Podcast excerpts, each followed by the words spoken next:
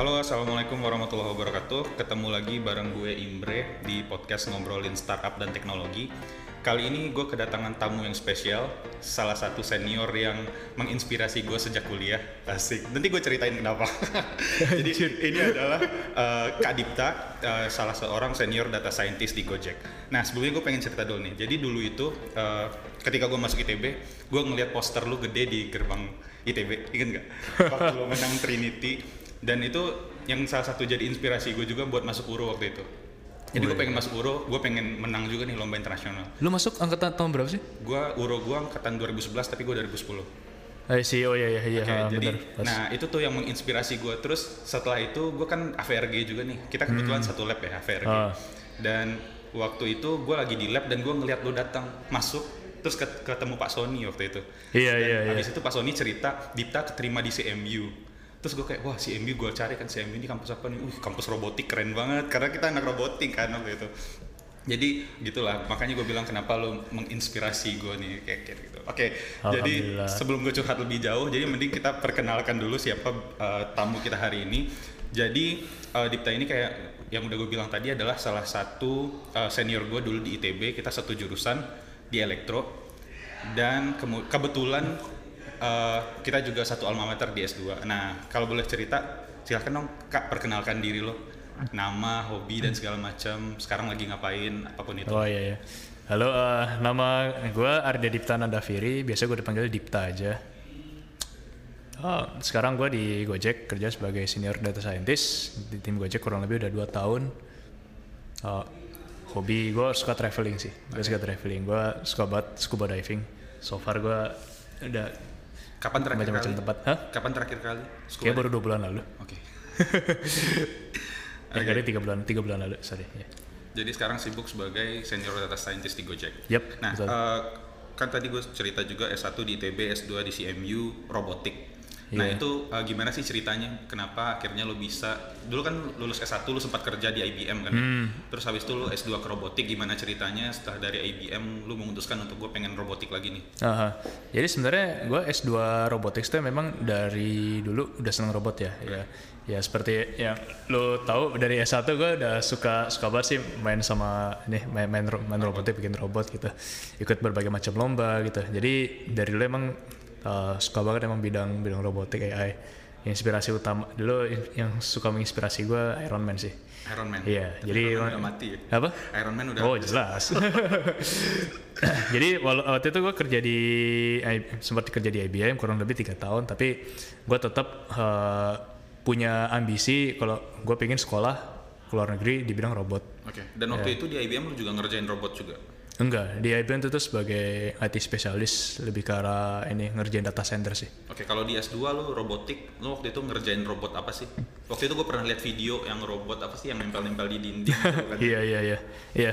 Jadi eh ini kok kok kok di CMU ro- robotik institusi robotik saya termasuk yang yang, ter, yang salah satu yang terbesar sih kalau Iya. di dunia. Jadi dulu lu bayangin kayak labnya BMX.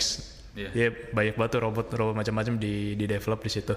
Nah, jadi emang waktu lu di IBM gue pengen, pengen walaupun gue sambil kerja gue pengen banget lanjut sekolah S2 bidang bidang robotik karena lo tau nah eh, ya itu gue mengincar kamp- kampus ini awalnya terinspirasi dari mereka bikin ini CMU Camp gitu terus ada robotics institute yang cukup yang cukup besar nah itu inspirasi utama sih terus nah kena terus juga mereka eh, menelurkan banyak founder-founder robotics ya founder-founder robotics company termasuk salah satu yang pertama kali bikin Google self driving car itu tiga foundernya dari CMB semua kan? Itu yang orang Uber itu. iya yang lo yang super jadi kayak apa Chris si Chris Urmson terus Drew Bagnell sama satu lagi eh, ini siapa sih gue lupa nah ya pokoknya pokoknya mereka bertiga kok founder apa eh, Google self driving car nah dari situ gue pengen banget masuk masuk CMU gitu lihat Oke. ya gitu sih Nah, di CMU pun lu ngerjain robotik, abis itu lu sempat kerja di Caterpillar sebagai robotik engineer bukan sih? Kalau gua nggak salah. iya ha. Nah, itu gimana ceritanya? Apa Nah. lu ngerjain apa di sana? Oke oke. Jadi mungkin eh, lanjut yang pertanyaan sebelumnya kayak robotik apa aja itu yang yang sempat gue kerjain di CMU. Jadi C- CMU itu ngejar macam-macam robot. Salah satunya tuh fokusnya self driving car dulu. Oh, oke. Yes, jadi ada self driving car, ada space robotics. Jadi salah satu yang sempat gua ker gua kerjain tuh adalah uh, space robotics. Dulu CMU ikut kompetisi namanya Google Lunar X. Nah, Google Lunar X ini kompetisi yang dibikin sama Google nih. Nah, Google dia bikin kompetisi siapa nih universitas yang bisa ngirim robot ke bulan. Oke. Nah, jadi situ kayak Waktu itu lo ikutan? ikutan ya itu kayak profesornya uh, profesor Red Whittaker dia yang menang DARPA 2000 tahun 2005 dulu. Nah dia bikin kayak tim dia bikin tim uh, mahasiswa grad post grad siapa pun ini kalau ini tertarik ikut join join. Nah kita bikin.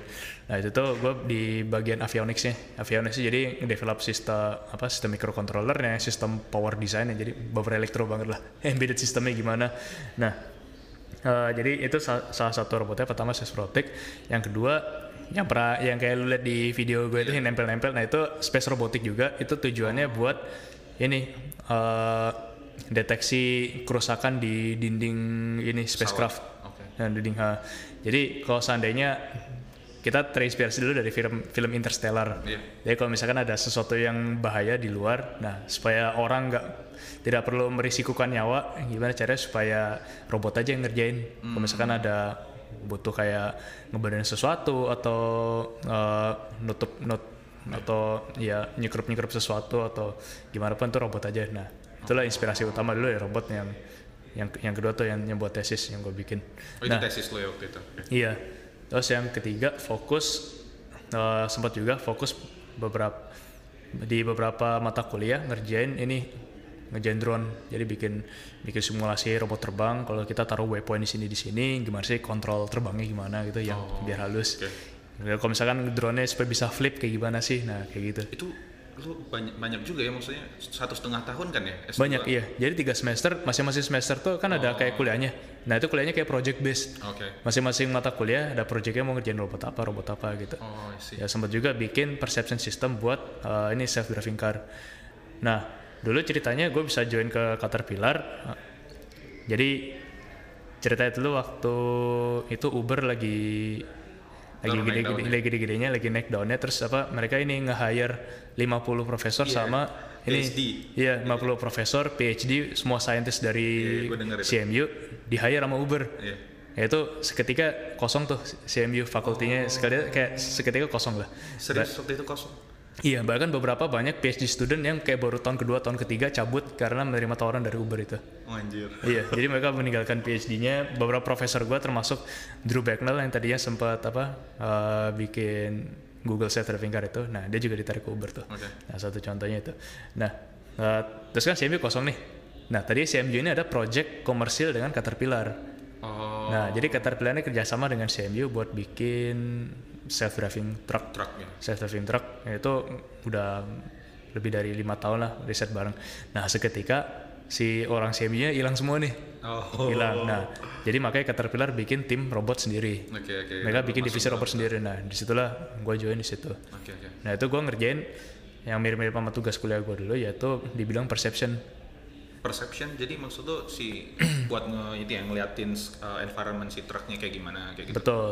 Jadi kita pakai kan kalau self driving car tuh sensornya ada banyak tuh. Ada sensor kamera, ada sensor laser gitu. betul. Jadi pada dasarnya dari sensor laser itu tadi yang pak- pakai laser dia nge-generate 3D point cloud. Oke. Terus sama ada kamera juga. Nah, kita gimana caranya men memfuse sensor dua itu tadi ada teknik sensor fusion. Jadi uh, terus uh, gabungin kita pakai image classification. Jadi sama si laser laser sensor tadi nentuin apakah ini obstacle apa bukan. Oh, I see. Ini kan proyeknya self driving truck nih. Jadi basically nentuin kalau misalkan itu obstacle ya truknya harus ngerem. Itu waktu itu gitu. benar-benar udah bisa jalan truknya. Udah bisa jalan. Gokil. Beberapa ada yang di deploy di Indonesia, Oh iya, di Iya. mana? di Papua. Oh di Papua. Oh, yang itu ya kayak apa sih? Heeh. Apa sih? Uh, Freeport kayak gitu ya. Iya, Australia, di Aust- Australia gitu sih. I see. Nah, terus habis itu gimana ceritanya akhirnya dari Caterpillar lu akhirnya decide untuk balik ke Indonesia dan waktu itu lu join Amarta, Hmm. iya nggak sih? Jadi sebenarnya waktu itu di US gue sempat uh, dari Caterpillar sebenarnya gue sempat balik ke CMU dulu sebagai researcher karena waktu itu ada apa yang kondisi oil Mhm. Iya, iya, iya, oil iya. price turun drastis Iya, gue dengar. itu Caterpillar nge-layoff 10 ribu orang Iya. itu dari itu ha- hampir semua divisi robotik sempat di layoff Nah, satu-satunya jalan gue buat kerja lagi adalah Karena kerja di visa ya? kampus karena karena visa. Iya iya iya. iya. Jadi waktu itu kan layoffnya tuh bulan November, nah Desember lah, bulan November Desember. Terus eh, kalau gue mau kerja di tempat lain, gue harus gue harus apply visa, baru bisa ap- April tahun depannya, dan baru bisa mulai kerja Oktober tahun depannya. Oh lama juga ya. Jadi nggak bisa. Dan itu pun bukannya ini ya, eh, maksudnya hoki-hokian ya. Itu lo apply H1B. Iya, itu masih oke-okean juga. Heeh. Ya ada kuotanya sangat terbatas lah gitu. Jadi ya waktu itu salah satunya jalan kalau gue masih mau tetap kerja di US ya cuma bisa kerja di kampus karena kerja di kampus tuh visanya pasti dapat dan nggak ada kuota gitu sih. Oh. Oke. Jadi gitu. Jadi gue sempat setahun di balik ke CMU sebagai researcher, uh, engi- researcher slash engineer karena banyak kayaknya banyak ngerjain engineer juga. Mostly projectnya juga ini sih juga self, juga self driving car. Nah itu dari situ uh, sempat setahun terus ada urusan keluarga, gue harus pulang ke Indonesia. Nah itu tuh gue lihat-lihat nih kan selama ini gue di robotis gue kerjainnya computer vision, machine learning gitu. Ya kayak misalkan self driving car itu, itu tadi sebenarnya banyak machine learning tuh di belakangnya. Kayak kayak ya ngeklasifikasi apakah ini pohon atau obstacle apa bukan. Nah, itu, itu machine learning banget. Nah, itu gue nyari-nyari eh, saat itu yang beririsan dengan machine learning dengan pekerjaan apa sih yang di Indonesia saat ini yang lagi rame nih. Nah, terus kebetulan itu gue ketemu eh, kenalan sama foundernya Amarta. Nah, dia dulu ambil kuliah di Harvard gitu terus gue mau balik ke Indo. Nah dia mau bikin startup ini sama Amarta. Dia bilang gue butuh nih buat orang data scientist buat bikin credit scoring gitu. Oh ya udah gue itu yang penting itu gue pikir yang penting gue balik ke Indo dulu lah. Nah jadi kalau ya ya udah gue balik ke Indo terus jadi ya itu gue jadi data scientist itu di Amarta Dan setelah itu sampai sekarang lo jadi data science ya? Iya, ya, ya setelah setelah gue kuliah bidang ini cukup seru sih, cukup seru dan di Indonesia bisa cukup memberikan manfaat gitu loh, Oke. manfaat dan mem- memberikan value im- impact yang cukup cukup besar sih gue lihat, apalagi kalau di di Gojek sih gue lihat. Nah, sampai akhirnya lo sekarang jadi data science di Gojek. Nah, sekarang gue pengen ganti topik bahasan kita ke Gojek. Jadi kalau boleh tahu sehari-hari lu di Gojek sebagai data scientist itu ngapain aja sih? Apa yang lo lakukan? Boleh cerita nggak? Boleh boleh. Jadi kalau data scientist di Gojek ini bisa dibilang full stack sih. Oke. Jadi full stack itu maksudnya dari semua data science flow yang ya kalau lu baca data science 101 ya data science itu kepengennya sih pertama dari understand business problem, terus exploratory data, terus Data uh, cleaning, data data cleaning, pipeline pun juga. iya. Terus uh, bikin model, terus productionization, bikin pipeline-nya kayak gimana. Nah, pipeline terus terakhir ya komunikasi balik. Nah, nah kalau data science di Gojek ya sehari-harinya muter-muter di situ aja. Oke. Tapi tergantung dari fase dari masing-masing project kan. Kayak kita masing-masing ada project nih. Jadi tergantung kalau misalkan fase project ini sekarang lagi banyak discuss sama stakeholder. Ya udah sehari-harinya gue mungkin banyak discuss sama stakeholder. eh, Uh, requirement gathering. kayak ya requirement gathering. Terus gimana nge-framing problem ini jadi problem data science atau machine learning problem gitu loh. Oh, I see. Jadi lu dari problem bisnis harus harus lu ubah jadi si problem data science. Hmm, tapi ada eh, ada kali juga mungkin problem-problem itu nggak selalu butuh machine learning di belakangnya. Mungkin pakai formula matematika sederhana udah bisa solve atau Oh, oke. optimisasi eh, algoritma biasa sudah bisa solve gitu. Jadi nggak harus selalu ada machine learning model Iya, yang harus selalu ada machine berjam-jam gitu ya. Betul. ha. Nah, tadi lu sempat bilang data science ini full stack di Gojek. Nah, sementara ada data science, ada data engineer. Berarti ada overlap nggak sih? Soalnya setahu gue adalah data engineer itu adalah orang-orang yang biasanya nge-collect data, Mhm. naruh ke sebuah data warehouse, dan kemudian dibikin TL pipeline segala Betul. macam. Berarti kerjanya overlap. Enggak, sama sekali enggak. Jadi data bener yang lu bilang tadi itu kerjaan data engineer. Nah, data scientist itu menggunakan data yang sudah dipersiapkan oleh data engineer. Oke, oke, Kurang oke. lebih kayak gitu. Berarti emang data scientist ini emang nggak dari data raw banget lah ya, udah data yang udah diambil Enggak. dari data, data science ditaruh di warehouse baru diproses. betul. Kan kalau di Gojek kita source datanya banyak nih. Dari aplikasi customer, aplikasi driver, terus aplikasi dari merchant juga. Semua masing-masing ada masing-masing ada aplikasinya, ada masing-masing service punya data yang beda-beda. Nah, itu semua source dikumpulin jadi satu. Itu uh, huge credit buat tim BI, tim Oh. BI sama tim ya Oh jadi BI sama data engineer ada beda beda tim ya?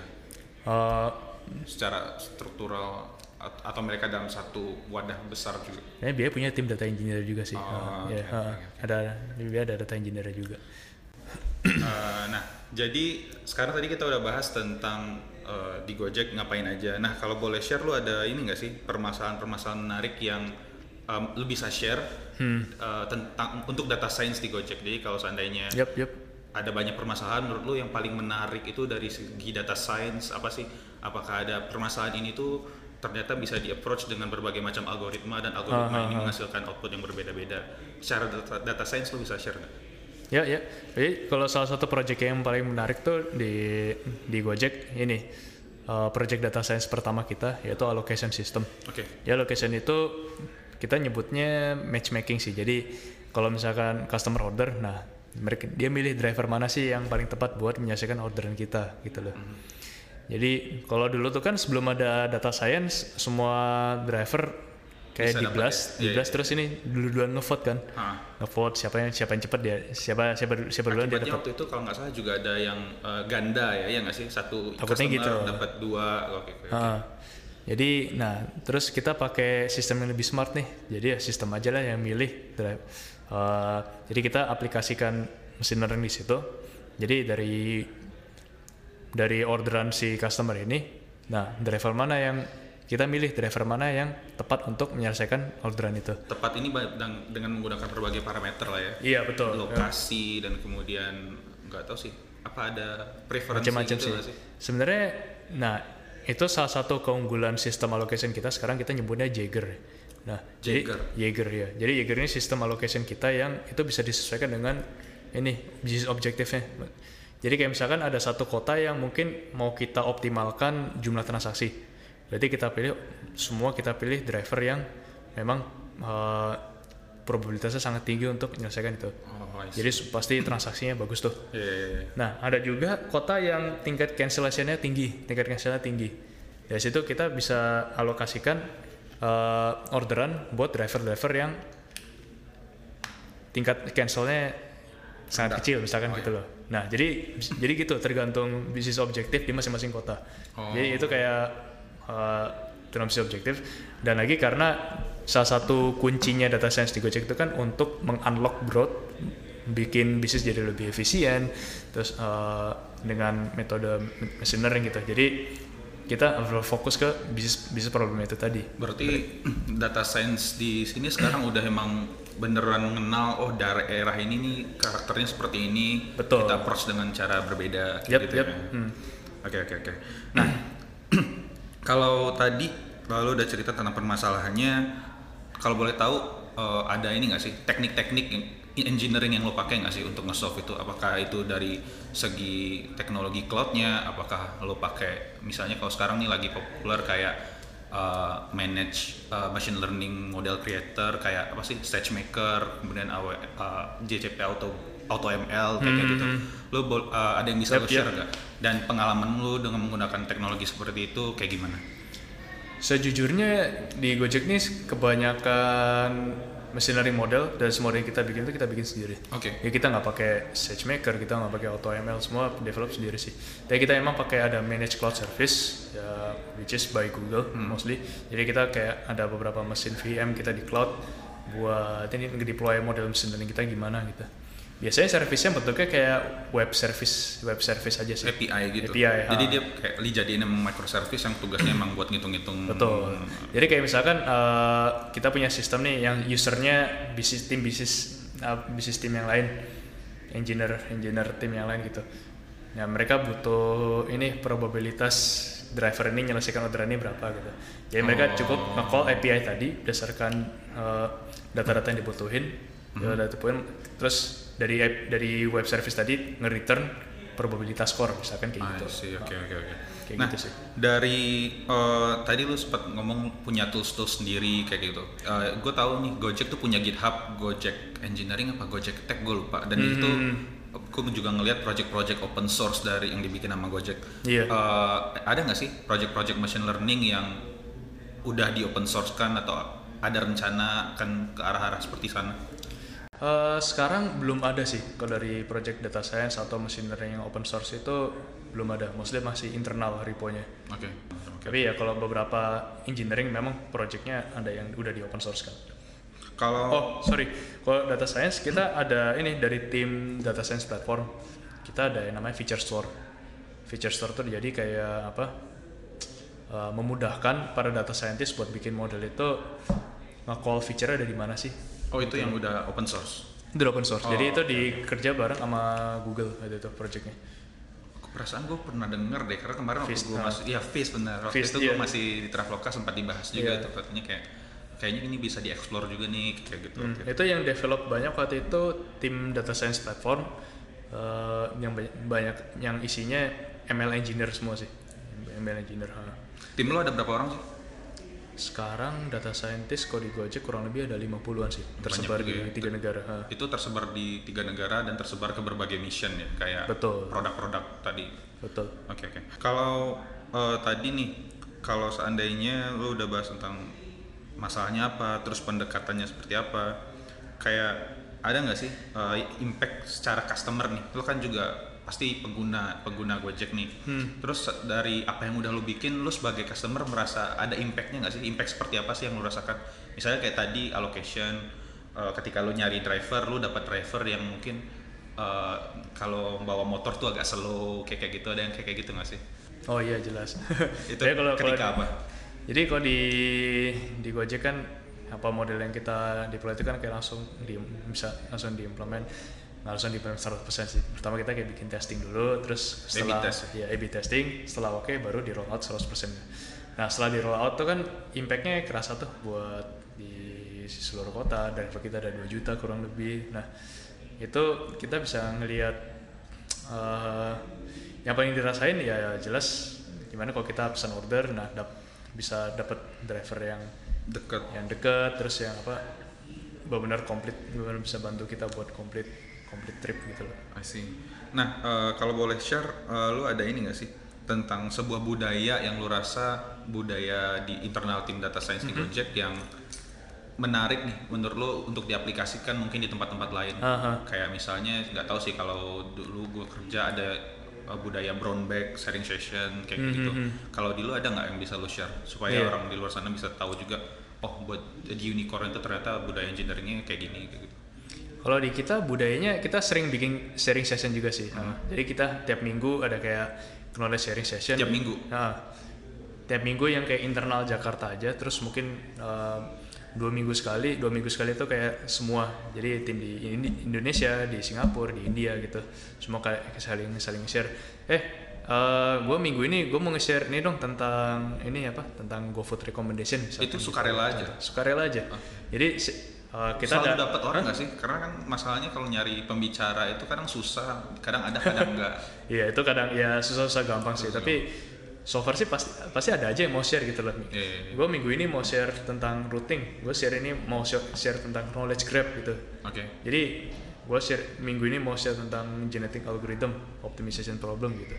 Banyak sih. Jadi banyak banyak banget uh, problem-problem yang waktu, waktu itu kayak mungkin kita belum pernah pakai, belum pernah kita denger, uh, tapi kita dapat ilmu dari orang kan kan proyeknya banyak nih Iya. masing-masing orang ngerjain project beda-beda, lesson learn-nya beda, pakai metode beda-beda. Nah itu sih menurut gua uh, budaya dan value yang menurut gua nggak ternilai sih kalau di Iya sini. Kalau gue juga ngerasa sekarang gue ngeran beberapa komunitas yang kita lakuin sih emang kayak gitu sih. Hmm, Masalahnya adalah selalu nyari speaker susah.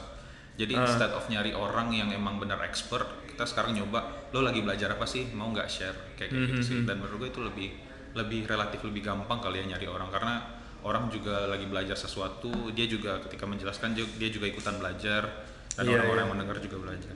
Nah, eh, kalau pertanyaan berikutnya, kalau boleh tahu lu sekarang lagi belajar apa sih? Ada teknik-teknik data science yang lagi lu pelajari atau teknologi spesifik cloud atau apakah itu? Teknik ya. Kalau teknik, mungkin kalau secara modeling uh, nggak banyak sih. Paling gue lagi belajar otodidak memperdalam di deep learning sama optimization optimization problem gitu. Kalau dulu lu robotik, sekarang lu jadi data science, lu berasa ini nggak sih? Maksudnya kayak apa ya?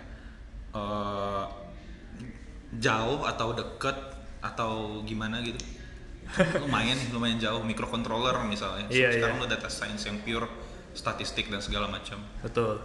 Ya kadang gue kangen kangen robotik juga sih. Robotik kan mainannya banyak ya. Cu- apa eh, ini jadi nggak cuma algoritma, nggak cuma software, tapi kan baik mainan di electrical engineering juga, di mechanical juga. Nah, ya terus sekarang harus banyak testing di lapangan. Hmm. Lalu ya kalau robot face itu. Kalau ya data science ini banyak banyak banget sih yang di-explore, tapi eh, di sini gue enjoy karena banyak yang masih banyak yang bisa dieksplor apalagi kayak di Gojek ya. Iya. kita banyak problem-problem yang kayak bisa di solve eh, kita bikin impact sosial baik itu social impact maupun bisnis impact. Nah itu itu menurut gue yang bisa lebih eh, banyak di solve dengan data science gitu. Jadi kayak memberikan ini apa kepuasan tersendiri sih di situ. Menarik menarik. Uh, nah, podcast gue ini kan ngebahas tentang startup dan teknologi. Ah. Jadi biasanya setiap episode tuh gue selalu ketika gue diskusi dengan role A, terus gue selalu nanya perlu nggak sih role A ini untuk startup yang levelnya masih early. Nah, kalau sekarang kebetulan lu data science, gue pengen nanya, menurut lu building data science team ini uh, worth investment gak sih untuk startup yang mungkin di early stage? Karena tadi lu cerita kayak di Amarta lu uh, awal udah langsung ngerjain data science. Menurut lu itu gimana? Jadi eh, sebenarnya itu yang cukup yang cukup menarik sih. Jadi kok kalau data scientist itu kan kita bisa bikin produk data, kita bisa bikin rekomendasi kalau datanya sudah ada. Oke. Nah biasanya yang eh, startup di, di, di early itu kadang da- yang suka terjadi adalah datanya belum siap. Datanya belum siap. Nah, jadi apa yang mau dikerjain kalau sebagai data scientist gitu. Jadi kalau di awal lebih lebih banyak eh, dibutuhkan mungkin data engineer, ware, ware- buat data warehouse gitu. Oke. Ya kayak ya kayak lo gini gitu. Jadi kayak memastikan kalau semua dat- sem- semua sumber data itu Kekumpul. ya? terkumpul, ter- eh, terstandar jadi satu di satu tempat. Kalau nomor nama-nama kolomnya harus apa nggak boleh nggak boleh ini nggak boleh beda-beda. Kalau beda aplikasi terus datanya Iya, iya. per- s- apa format namanya beda nah gitu aja udah udah repot buat ngejoinnya kita pakai datanya gitu kan Berarti menurut lo uh, kalau mau invest di data, mulailah dari data cleaning, Iya. data engineering kayak data gitu. engineering dulu tapi eh, perlu perlu mungkin dari awal ketika Sarato big bangun produk sebaiknya sih udah ada mindset kalau suatu saat kita butuh kita bisa menggunakan data yang sekarang ya yang kita sekarang ada untuk ke depannya gimana gitu.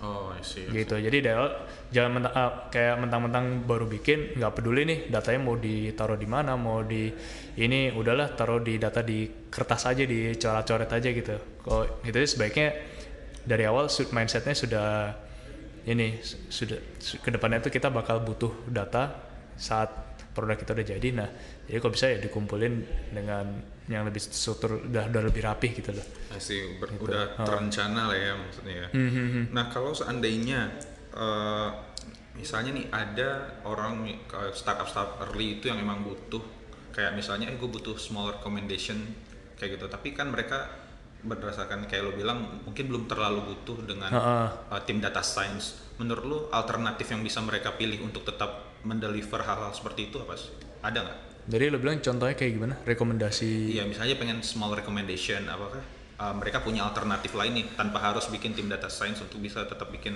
recommendation engine. Terus ya kalau recommendation pasti butuh data banyak. Itu data banyak. Berarti iya, karena kebanyakan algoritma recommendation system kan butuh apa? Entah itu interaksi antar user atau interaksi user dengan produknya atau jadi tetap butuh data yang banyak sih. Yang bisa gue rekomendasiin mungkin gimana ya? Ngikutin tren dari data eksternal sih. Jadi kalau data harus eksternal maksudnya gimana? jadi misalnya kita kan banyak tuh um, mungkin ada berapa yang di open source ya. Oh, Kayak pen- data public gitu ya. data publik ya mungkin penjualan kayak gimana sih yang sekarang lagi banyak atau web crawling dari website lain misalkan nge-crawling dari website jual beli gitu loh kan bisa ya mungkin nggak mungkin nggak sempurna tapi paling kita dapat gambaran kan di awal oke sekarang nih yang lagi rame nih produknya ini ini ini loh gitu loh atau ya biasanya web, web crawling Berarti gitu, intinya gitu. selalu kumpulin datanya dulu, Kumpulin datanya datanya dulu, baru ha-ha. lo bisa melakukan sesuatu Iya. ya.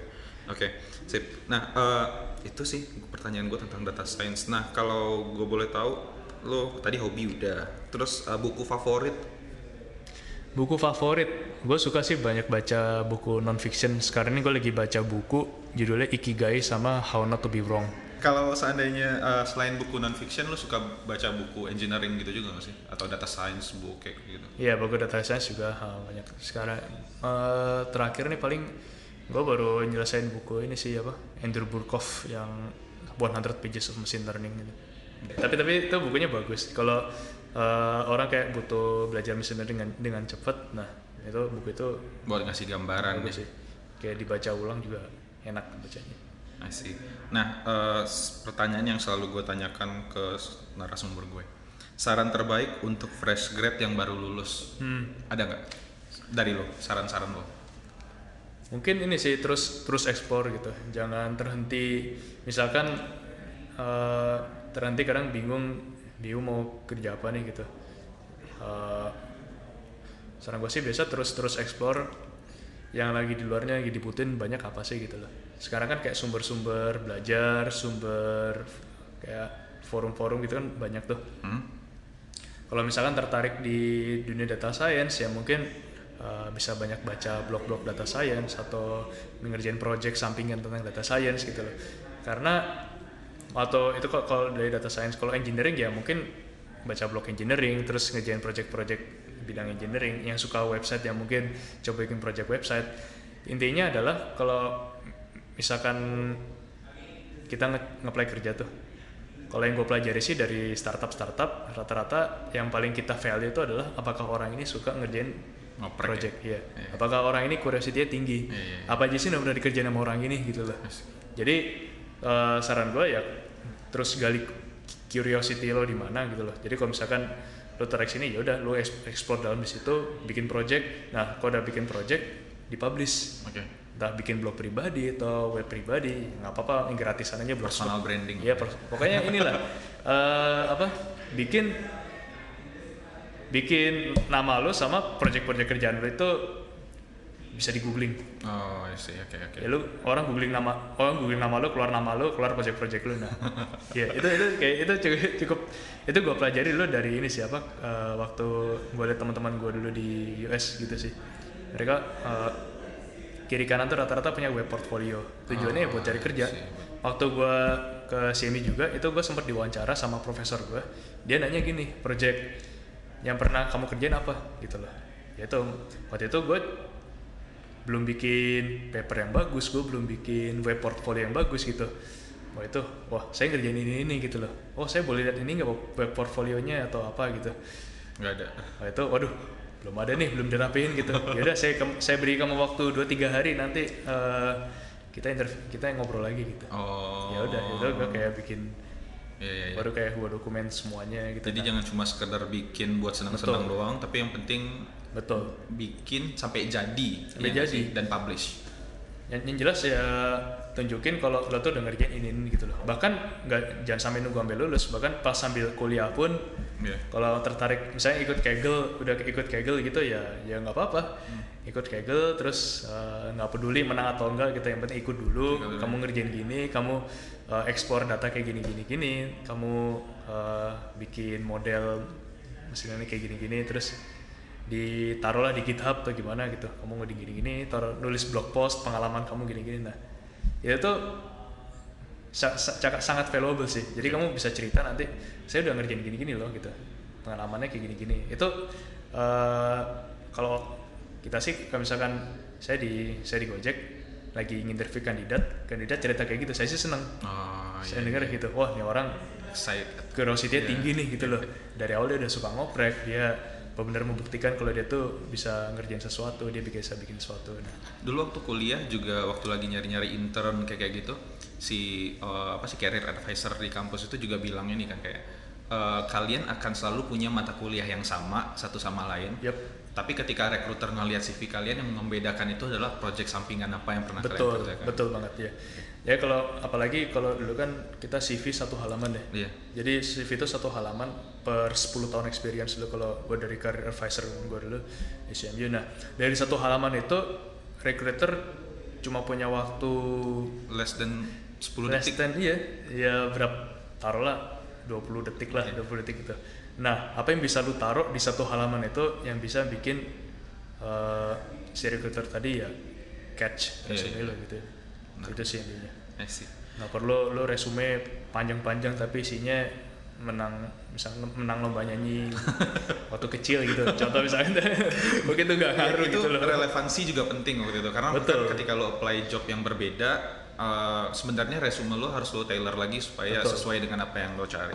Nah, Yep. kalau tadi saran terbaik untuk fresh grad, sekarang saran terbaik untuk orang-orang yang mau jadi data science atau start lagi belajar nih buat jadi data Ah. science, lo ada masuk masukan nggak? masukannya terus belajar sih yang jelas eh, baca dari online learning baca buku eh, dalamnya lagi statistik gitu sih karena sekarang kan yang namanya online course banyak ya nggak ada sebenarnya nggak ada excuse sih buat nggak buat nggak bisa belajar lagi gitu terus ya benar kayak lo bilang tadi kan kalau misalkan online course kan semuanya bisa belajar ya online course nah ya harus kreatif kreatif lah cari apa yang bisa membedakan eh, membedakan itu dari Ya dari orang-orang lain. lain gitu loh Nah, gue pernah eh, tiba-tiba gue keinget. Jadi eh, dulu tuh pas kuliah gue pernah lihat data science itu sebenarnya ada kombinasi tiga hal. Computer science, terus statistik, sama like, satu lagi itu adalah bisnis domain. Hmm. Nah, computer science dan statistik mungkin bisa didapatkan di luar. Maksudnya eh, di kuliah lah, lu bisa belajar CS, Yep. bisa belajar statistik. Tapi menurut lu untuk orang-orang di luar sana mungkin yang lagi mendalami data science kan mereka nggak punya bisnis domain, mereka nggak join ke sebuah Betul. company yang menyelesaikan suatu permasalahan. Menurut lu untuk bisa memahami bisnis domain itu mereka harus seperti apa? Um, Bukan harus sebaiknya belajar seperti apa? Sebaiknya belajar dari ini sih apa memahami problem solving uh, metode problem solving Oh, tepat. Oke oke oke. Jadi uh, ini mungkin terdengarnya kayak sepele, kayak Iya. sepele gitu. Tapi sering kali orang yang kayak terlalu dalam di terlalu tenggelam di bidang technical atau di mekan kalau kita nyebutnya dari sisi, sisi mechanical ya itu kadang kayak nggak tahu apa sih sebenarnya mau di solve gitu loh. Jadi jadi uh, memahami metode problem solving ini yang cukup penting. Itu biasanya belajar dari dunia ini sih ya? manajemen consulting sih Oh, di manajemen consulting banyak buku kayak misalkan uh, gimana sih buku tentang manajemen consulting ya mungkin dari McKinsey itu mungkin dari Accenture dari Iya. dari consulting consulting firm itu dari BCG gitu nah itu mereka beberapa ada yang bikin bikin buku nah itu coba pelajari sih gimana gimana cara nge-breakdown masalah gitu loh soalnya kita kadang suka terlalu tenggelam bikin model gini-gini bikin model, yang terlalu susah complicated tapi ternyata nggak Nggak memberikan business impact nggak dipakai nah Iya. buat apa gitu loh Oke oke oke. jadi itu sih Nah, eh, pertanyaan terakhir, lo lagi hiring nggak? oh jelas Eh, ada yang bisa lo share? Lagi hiring apa? kalau di Jakarta tim kita lagi nyari data scientist dalam jumlah besar sih itu jelas.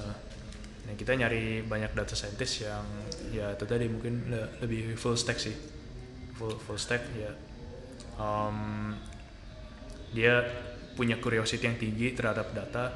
Jadi gue bilang punya curiosity ini eh, bukan sekedar cuma kayak paragraf pembuka ya. Hmm. curiosity tinggi itu bukan bukan cuma sekedar pa- paragraf pembuka di job posting tapi bercuriosity jadi kayak misalkan kita kan kasih as- ada assignment ya kalau buat kandidat Hmm. data scientist nah itu kelihatan tuh dari dia eh, explore data itu kelihatan curiosity dia kayak gimana Oh, kalau misalkan dia benar-benar curiosity tinggi dia bakal mengeksplor data tuh habis-habisan I see. dia bakal ngelihat macam-macam ap- apa aja sih yang ada di data itu Bukan distribusi cuma sekedar apa yang disuruh ya? Iya, Oke. bukan cuma sekedar cemplungin ke model, jebret jadi. Nah, Oh, nah, kayak gitu. Jadi itu sih yang paling yang gue suka lihat itu sih curiosity. Kalau seandainya ada di luar sana yang merasa, oh ini gue banget nih, mereka harus ke mana? Nah, itu bisa aja sih ke LinkedIn-nya Gojek. Oke. Search aja, buka aja di LinkedIn, search ini job jobnya data scientist di Gojek. Atau bisa juga eh, lihat di postingan di halaman LinkedIn gue. Oke, oke. Oh, Karena lo juga aktif di LinkedIn ya? Iya, benar. Oke, Iya. I see. Eh, udah semua pertanyaan gue tanyain, jadi gue pengen ngucapin makasih buat Kak Dipta yang udah mau share tentang pendapat, pandangan, dan pengalaman eh, terkait data science dan gimana sih cara biar bisa belajar terus lebih baik. Jadi itu aja dari gue. Terima kasih buat yang udah dengerin. Eh, kalau seandainya kalian punya ide mau bahas topik apa dengan siapa, silahkan mention gue di Twitter @imrenagi. Asik. Jangan lupa follow podcast gue ngobrolin startup dan teknologi di Spotify. Biasanya gue rilis hari Selasa, tapi kadang Selasa, Rabu, Kamis lah antara itulah. Jadi itu aja. Terima kasih udah dengerin. Assalamualaikum warahmatullahi wabarakatuh. Waalaikumsalam warahmatullahi wabarakatuh.